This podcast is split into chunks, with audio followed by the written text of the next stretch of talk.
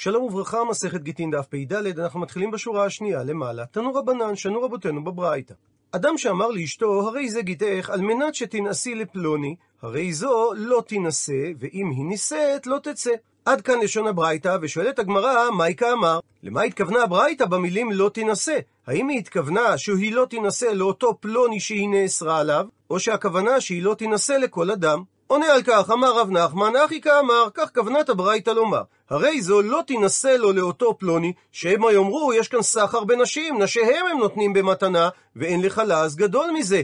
אבל, ואם נישאת לאחר, לא תצא ממנו. כדי שלא להחזיק, דהיינו שלא לתת תוקף, לתנאי שאמר הבעל. מקשה הגמרא על הסברו של רב מחמן, ומשום גזירה לא מפקינן מיני ושרינן אשת איש לעלמא?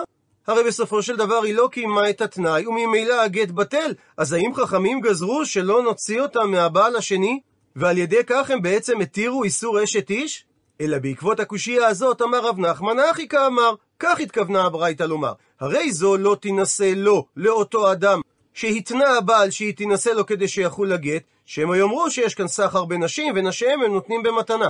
ואם בכל זאת היא נישאת לו, ממילא התקיים הגט, ולכן לא תצא. דמשום גזרה לא מפקינן, שהרי אין כאן איסור אלא חשש לעז בעלמא, ומשום גזירת חכמים לא נכריח אותה לצאת מהבעל השני. אמר לי מקשה רבו על רב נחמן, על פי ההסבר שלך ניתן לדייק שרק לא הוא דלא תינשא, הא לאחר היא כן תינשא? וכיצד ייתכן הדבר? והבעיה קיומי לתנא, הרי סוף סוף, כדי שיחול הגט, היא צריכה לקיים את התנאי שאמר הבעל שהיא צריכה להינשא לפלוני. אז כיצד היא יכולה להינשא לאדם אחר? הוא מעלה רב האפשרות ודוחה אותה. וכי תימה, ואולי תאמר, שהסיבה שהיא יכולה להתחתן עם אדם אחר, מפני שאפשר דמינסה בה היום ומגרשה למחר ומקיימה לתנא, שהרי באופן תאורטי היא יכולה לקיים את התנאי בעתיד, שהיא מתחתנת היום עם השני, ובעתיד היא תתגרש ממנו, ולאחר מכן היא תינשא לאותו פלוני, ובכך היא תקיים את התנאי והגט ממילא קיים. ולהך דפליגתא ליה דרב יהודה כמדע מתלי. ואתה רב נחמן לא חושש אולי בעתיד היא לא תקיים את התנאי, ולהך דפליגתא ליה דרב יהודה כמדע מתלי. כי אתה מדמה את זה לאותה מחלוקת שחלקת על רב יהודה, די יתמר שכך מובאת המחלוקת במסכת נדרים. אדם שאמר, קונם, אסור עליי כקורבן שעיניי יהיו בשינה היום, אם אני ישן למחר. כך שהיכולת שלו לישון היום תלויה בקיום התנאי העתידי, אם הוא יישן למחרת. אמר רב יהודה, אל יישן היום שמא יישן למחר, ורב נחמן אמר שהוא כן יישן היום ואין חוששים שמא יישן למחר.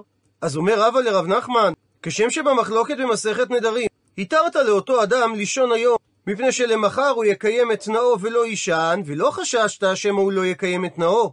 אז כך גם אתה רוצה לומר שהסיבה שהיא יכולה להינשא לאדם אחר, כי לעתיד היא תוכל להתגרש ממנו ולהינשא לאותו אדם פלוני, ועל ידי כך לקיים את הגט? ודוחה רבה את ההשוואה? הכי אשתא? מה אתה משווה בין שני המקרים? הטעם שם לגבי אדם שאמר קונם עיניי בשינה היום אם יישן למחר, בדידי קיימא. הדבר תלוי באדם עצמו, דאי ביי, מבריז נפשי בסלבתא ולא נעים. שאם הוא רוצה, הוא יכול לגרום לעצמו לא לישון, שינקוב את בשרו באופן תמידי בקוץ, ועל ידי כך לא ירדם. מה שאין כן הכה, וכי בדידה קיימא להיגרושי? האם היכולת להתגרש מהבעל השני, על מנת להתחתן עם אותו פלוני, תלויה רק באישה? אלא אמר רבא, כך צריך להסביר את הברייתא. הרי זו לא תינשא, לא לא לאותו פלוני ולא לאחר. לא היא לא תינשא, שמא יאמרו, יש כאן סחר בנשים, נשותיהם הם נותנים במתנה, ולאחר היא לא תינשא, מפני דבעיה קיומי לתנא. שהרי כדי שהיא תוכל להינשא לאחר, היא צריכה לקיים את תנאי הגט, ולפני כן היא לא מגורשת. והמשך הברייתא, ואם נישאת לא, לא תצא, דמשום הגזרה של חכמים לא מפקינן, לא מוציאים אותה ממנו, ואם היא נישאת לאחר, תצא, מפני דבעיה לקיומי לתנא. שהרי צריכה לקיים את תנאי הגט כדי שיחול הגט. ומביאה הגמרא סייעתא להסברו של רבא, תניא כבתי, ברייתא שנשנתה כשיטתו דרבא, שהרי זו לא תינשא לא לו ולא לאחר, ואם נישאת לו לא תצא, לאחר תצא. וממשיכה הגמרא לדון בענייני תנאים. תנו רבנן שנו רבותינו בתוספתא. בעל שאמר לאשתו, הרי זה גיתך על מנת שתעלי לרקיע, או על מנת שתרדי לתהום, או על מנת שתבלעי קנה באורך של ארבע אמות, או על מנת שתביאי לי קנה בין אורך של מאה אמה, או על מנת שתעברי את הים הגדול ברגלייך. שהמכנה המשותף של כל התנאים הללו, שזה לא מעשי לקיים אותם, ולכן אומר תנא קמא שאינו גט. רבי יהודה בן תימא חולק ואומר, כזה הוא כן גט, מפני שכלל אמר רבי יהודה בן תימא, כל תנאי שאי אפשר לו לקיימו בסופו והתנה עליו מתחילתו, אינו אלא כמפליגה בדברים וכשר. היות ומעשית התנאי לא ניתן לקיום, הוא רק התכוון לדחות אותה כדי לצערה בדברי הוואי. ולעניין פסיקת הלכה, אמר רב נחמן, אמר רב, הלכה כרבי יהודה בן תימא. וסייעת על הדבר, אמר רב נחמן בר יצחק, מתנית תינה מדייקה. ניתן לדייק שאכן הלכה כרבי יהודה בן תימא מהמשנה במסכת בבא מציע. דקטני, ששם כתוב, כל שאפשר לו לקיימו בסופו ויתנה עליו בתחילתו, תנאו קיים. עד לכאן ציטוט המשנה בבבא מציע, ומדייק רב נחמן בר יצחק, הא, אם אי אפשר לקיים את התנאי, תנאו בטל שמע מינה. ויש כלל שאומר הלכה כסתם משנה, וסתמה המשנה כשיטת רבי יהודה בן תימא. ולאור הפסיקה שתנאי שלא ניתן לקיום, התנאי בטל והמעשה קיים, אי בעיה להו, נשאלה להם השאלה הבאה, כאשר הבעל אמר לאישה, הרי זה גיתך על מנת שתאכלי בשר חזיר. מהו הדין במקרה כזה? מצד אחד, יש כאן התכנות מעשית לאכול את בשר החזיר, מצד שני, יש איסור לאכול אותו. ומביאה על כך הגמרא מחלוקת המוראים. אמר אביי, היא-היא, זה בדיוק המקרה עליו דיבר רבי יהודה בן תימא. רבא לעומת זאת אמר, אפשר דאכלה ולקיה. הרי היא יכולה לאכול את בשר החזיר וללקוט על כך, ולכן זה לא נקרא התנאי שלא ניתן לקיום, וסובר רבא שרבי יהודה בן תימא יאמר במקרה כזה שתנאו קיים. ובדברי רבי יהודה בן תימא שנאמרו בתוספתא, הופיע גם לשון של מיעוט וגם לשון של ריבוי. הלשון כזה גט היא לשון של מיעוט, והלשון של כלל היא לשון של ריבוי. לאביי, הלשון כלל באה להטויה לרבות את המקרה שהבעל אמר לה, הרי זה גיתך על מנת שתאכלי בשר חזיר, שעל תנאי כזה שלא ניתן לקיים אותו מהבחינה הדינית, אמר רבי יהודה בן תימא שזה נחשב תנאי שאי אפשר לקיימו. לרבה לעומת זאת, הלשון כזה באה למיעוטי, למעט את המקרה שהבעל התנה לאישה הרי זה גיתך על מנת שתאכלי בשר חזיר, שהלשון כזה מתייחסת לדוגמאות שהביא תנא קמא, שהן לא ניתנות לביצוע, ולכן התנאי בטל והגט קיים. אבל אם התנאי ניתן לביצוע וצריך לעבור לשם כך על דברי תורה, אז האישה יכולה לקיים את התנאי באיסור, ותלקה על מה שעברה. מקשה הגמרא, מי טבעי קושייה ממקור תנאי דהיינו מהתוספתא על דברי רבא, אדם שאמר לאשתו הרי זה גיתך על מנת שתבעלי בין בזנות בין בנישואין לפלוני, אם נתקיים התנאי הרי זה גט, ואם לאו לא יתקיים התנאי אינו גט. ואם הוא אמר לה הרי זה גט על מנת שלא תבעלי לאבא או ולאביך, במקרה כזה אין חוששים שמא נבעלה להן, והיא מותרת להינשא מיד, ואין חוששים שמא היא תיבעל להן בעתיד ויבטל הגט. עד לכאן הציטוט מהתוספתא, ושואלת הגמרא. בתחילת התוספתא התנאי היה על מנת שתבעלי לפלוני, ואילו בסוף התוספתא על מנת שתבעלי לאבא או ולאביך לא קטני. הברייתא לא השתמשה באותה דוגמה באופן מקביל, אלא נקטה דוגמה אחרת. כנראה משום שהלשון על מנת שתבעלי לאבא ולאביך לא יוצרת תנאי, משום שזה תנאי שמבחינה דינית לא ניתן לקיים אותו. ואם כך, לאביי הניחה לרב הקשיא. הסבר התוספתא נוח ומסתדר לשיטת אביי וקשה על הסברו של רבא. שהרי רבא הסביר לשיטת רבי יהודה בן תימא, שתנאי שיש התכנות מעשית לקיימו נחשב כתנאי. עונה על כך, אמר לך רבא, התנאי של על מנת שתעלי לאבא ולאביך לא דומה לתנאי שעל מנת שתאכלי בשר חזיר. מפני שבישלמה נוח לי להבין שניתן להתנות שהרי זה גיתך על מנת שתאכלי בשר חזיר, מפני שאפשר דאכלה ולקיה. בידה לקיים את התנאי באיסור, לאכול בשר חזיר וללקוט על כך. וגם את התנאי של הרי זה גיתך על מנת שתבעלי לפלוני, נמי אפשר דמשך דבי בממונה. היא יכולה לשחד אותו בכסף, ואם הוא לא רוצה לבעול אותה באיסור, יישאנה ויבעול אותה בהיתר. כך שגם קיום התנאי הזה בידה של האישה. אלא התנאי על מנת שתבעלי לאבא או לאביך, האם בדידה קיימה? האם בה תלוי הדבר? נאי דאי עבדה איסורה. אמנם אפילו אם נאמר שהיא רוצה לעבור איסור כדי לקיים את התנאי, אבל אבא ואביך מי עבדי איסורה. האם הם יסכימו לעשות איסור כדי לקיים את התנאי? ומאחר שאין הדבר תלוי בה, מודה רבא שמקרה כזה נחשב כתנאי שאי אפשר לקיימו. ולאור הדברים הללו, חוזרת הגמרא ומדייקת את לשון המיעוט ואת לשון הריבוי בדברי רבי יהודה בן תימא. שלרבה לשון הריבוי של כלל באה להטויה לרבות גם מקרה שהבעל אמר לה הרי זה גיתך על מנת שתבעלי לאבא ואביך, שזה נחשב כתנאי שאי אפשר לקיימו, ולשון המיעוט כזה, בא למיעוטי כאשר הבעל אמר לה תנאי על מנת שתאכלי בשר חזיר, שזה נחשב כתנאי שאפשר לקיימו. הפכנו דף, ולאביי הלשון של כלל בא להטויי בשר חזיר, שזה נחשב תנאי שאי אפשר לקיימו מבחינה דינית, ולשון המיעוט כזה, בא למיעוטי כאשר הבעל התנה ואמר, הרי זה גיתך על מנת שתבעלי לפלוני, שהתנאי קיים וזה אינו גט עד שהיא תיבעל לו, מפני שבידה הדבר יכולה לשחד אותו בממון והוא יישאנה בהיתר. ממשיכה הגמרא ומקשה מיטיבי, קושייה ממקור תנאים מהתוספתא על דברי אביי, שאדם שאמר לאשתו הרי זה גיתך על מנת שתאכלי בשר חזיר.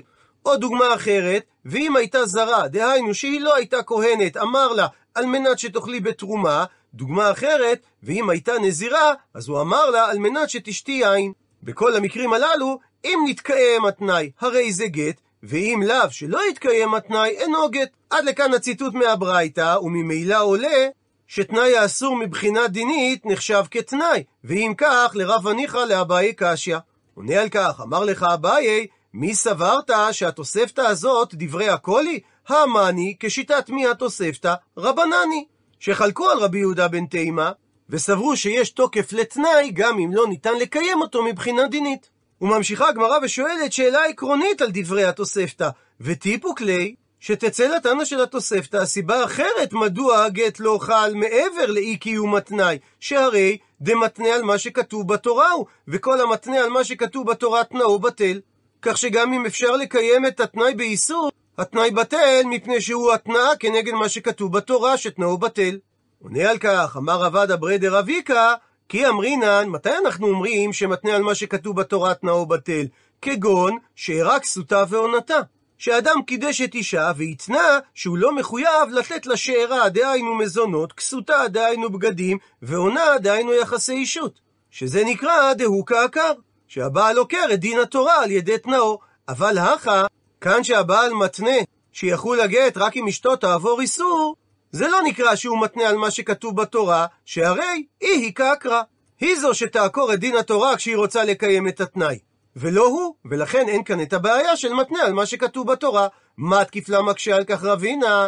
אבל כלום כעקרא היא היא, אלא לקיום אלה תנאי דידי. הרי כל הסיבה שהיא תעקור את מה שכתוב בתורה, זה רק כדי לקיים את התנאי שלו. אז איש תקח נמצא בסופו של דבר, דאי הוא כעקר, שהוא זה שגורם לעקירת דין התורה. אז אם כך חוזרת השאלה, הוא נחשב כמתנה על מה שכתוב בתורה שתנאו בטל. אלא אמר אבינה, כי אמרינן, מה שאנחנו אומרים, שכאשר אדם מתנה על מה שכתוב בתורה תנאו בטל, זה כגון, שבשעה שהוא קידש את האישה, הוא התנה שהוא לא ייתן לה שאירה כסותה ועונתה. דוודאי כעקר, שיש כאן עקירה ודאית של דין התורה, שהרי כאשר הוא מסר לה את הקידושין, היא אשתו והוא מתחייב בשאירה כסותה ועונתה, וכאשר הוא מתנה בשעת הקידושין על מנת שלא יתחייב, אז הוא עוקר את מה שכתוב בתורה בוודאות. אבל אחא, כאן שהבעל מתנה את קיום הגט בכך שהאישה תעבור על איסור, מיקה אמר לה שלא סגיה דלא אחלה? האם הוא אומר לה שאי אפשר שהיא לא תאכל את בשר החזיר? הרי הדבר תלוי בה, ולכן לא תאכול ולא תיגרש. היא יכולה שלא לאכול את בשר החזיר, וממילא לא יתקיים התנאי, והיא לא תיגרש בגט. זה אומר שבשעה שהבעל מתנה, הוא לא עוקר את דין התורה בהכרח, ולכן זה לא נחשב למתנה על מה שכתוב בתורה שתנאו בטל. ציטוט מהמשנה, שאדם שגירש את אשתו ונתן לה גט חלקי שלדעת חכמים זו נתינה פסולה, כיצד יעשה כדי לתקן את הגט? יתלנו הימנה, ויחזור וייתן לה אותו פעם שנייה, כאשר הוא יאמר לה הרי את מותרת לכל אדם. ושואלת על כך הגמרא, מן תנא? מי התנא שסובר שהבעל צריך ליטול פיזית את הגט ממנה ולא ניתן להסתפק באמירה בלבד שיחזור ויאמר לה הרי את מותרת לכל אדם? עונה על כך אמר חזקיה שזה רבי שמעון בן אלעזרי, דתניא, שכך שנינו בברייתא בדף ע"ח רבי שמעון בן אלעזר אומר שמי שנתן גט לאשתו אבל אמר לה קחי שטר חוב זה אז זה לא גט עד שיתלנו המנה ויחזור ויתננו לה ויאמר לה הגיתך. רבי יוחנן חולק על חזקיה והוא אמר אפילו תימה ניתן אפילו לומר שמשנתנו כשיטת רבי שחלק על רבי שמעון בן אלעזר, כשם שדילכון אמר, החכם משלכם, הכוונה לרב כהנא, שעלה מבבל לארץ ישראל ללמוד תורה אצל רבי יוחנן, ששני אחא, שונה כאן הדין שאפילו לשיטת רבי צריך הבעל לחזור וליטול ממנה את הגט, הואיל וכנעתו להיפסל בו לכהונה. מפני שבנתינה הראשונה שנתן לה הבעל, גם לשיטת רבי, היא קנתה את הגט, שעל ידי הגט הזה היא פסולה מלהתחתן עם כהן. ולכן אם הבעל לא יחזור וייקח ממנה את הגט, הוא לא יכול להסתפק באמירה. וזה שונה מהמקרה שהוא אמר לה, כנסי שטר חוב, ששם לשיטת רבי, יכול הבעל להסתפק בזה שהוא אומר לה, הרי זה גיתך, שהרי בנתינה הראשונה היא לא זכתה בגט לשום עניין. ציטוט מהמשנה, שאם הבעל כתבו בתוכו את לשון השיעור שהרי את מותרת לכל אדם חוץ מפלוני, אז אפילו אם הוא יחזור וימחק את המילים חוץ מפלוני, הגט פסול.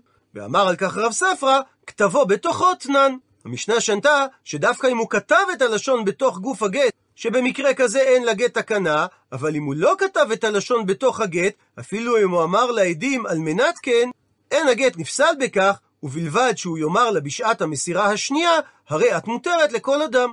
ושואלת הגמרא על דברי רב ספרא, פשיטא, מה אתה בא לחדש? הרי הדבר פשוט, שהרי כתבו בתוכו תנן. זו משמעות הלשון שנאמרה במשנה.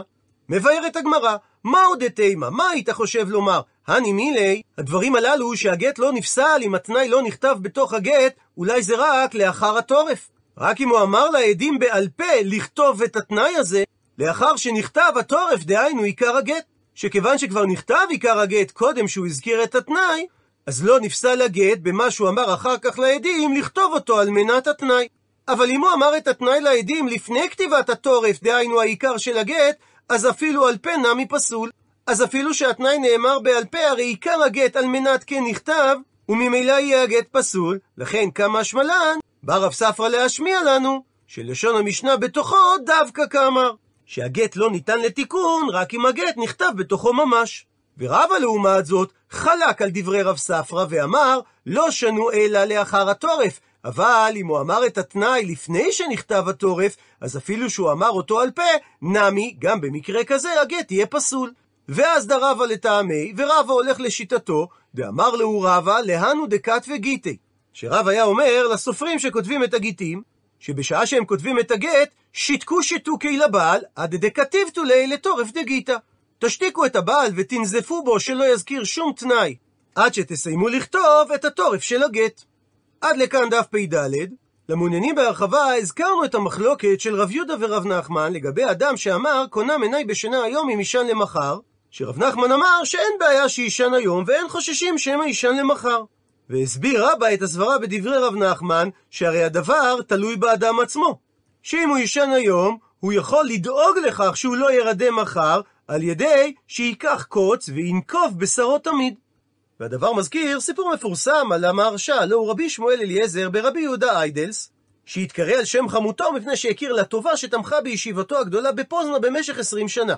המהרש"א אהב את הפלפול ההגיוני, התנגד לפלפול של הבל, כדבריו המטריד את האדם מן האמת ואין מגיע לתכליתו המבוקש. הוא נמנה בין הרבנים שחתמו בשנת ש"ן, 1590 למניין הנוצרים, ביריד גרמניץ בעיר לובלין, על התקנה שלא השתדל שום רב בישראל להשיג את הרבנות על ידי ממון. הוא התנהג בנדיבות, ביתו היה פתוח לרווחה, והוא נתן לכל עובר אורח מקום ללון ולחם לאכול. על משקוף ביתו היה חקוק באותיות בולטות הפסוק מאיוב, בחוץ לא ילין גר, דלתי לאורח יפתח. ומספרים עליו שבילדותו הוא למד בישיבתו של הרמה, ועד מהרה הוא נודע כעילוי נקרקה, שקידתו בתורה לא ידע גבול. מסופר כי ברצונו להפיג את השינה מעיניו, צימח המהרשע בבחרותו את שיער ראשו כנזיר, ובלילות הארוכים, כשהייתה השינה גוברת עליו, הוא היה קושר את שערו אל התקרה, כדי שאם תאחז בו השינה, יימשכו מיד שערותיו ויתעורר. סיפור דומה קיים גם אודות הרוגוצ'ובר, הלא הוא הרב יוסף רוז'ין, שהיה רבה של העיר דוויסק, מחבר סדרת ספרי השו"ת והפרשנות צפנת פנח. הוא נחשב ללמדן, גאון, מחדש ובעל זיכרון פנומנלי, בעל חשיבה ושיטת לימוד ייחודית. הוא גילה בקיאות בכל תחומי התורה, והיה מחבר שו"ת פורה. אגדות רבות שסופרו אודותיו, נשאו בו אל תשוקתו הלוהטת לעסוק בתורה. כך לדוגמה סופר כי כאשר הוא למד עם אביו, הוא צעק עליו, כי הוא אינו מבין את הגמרא בכלל. מיד אחר כך הוא התנצל וביקש את סליחת אביו.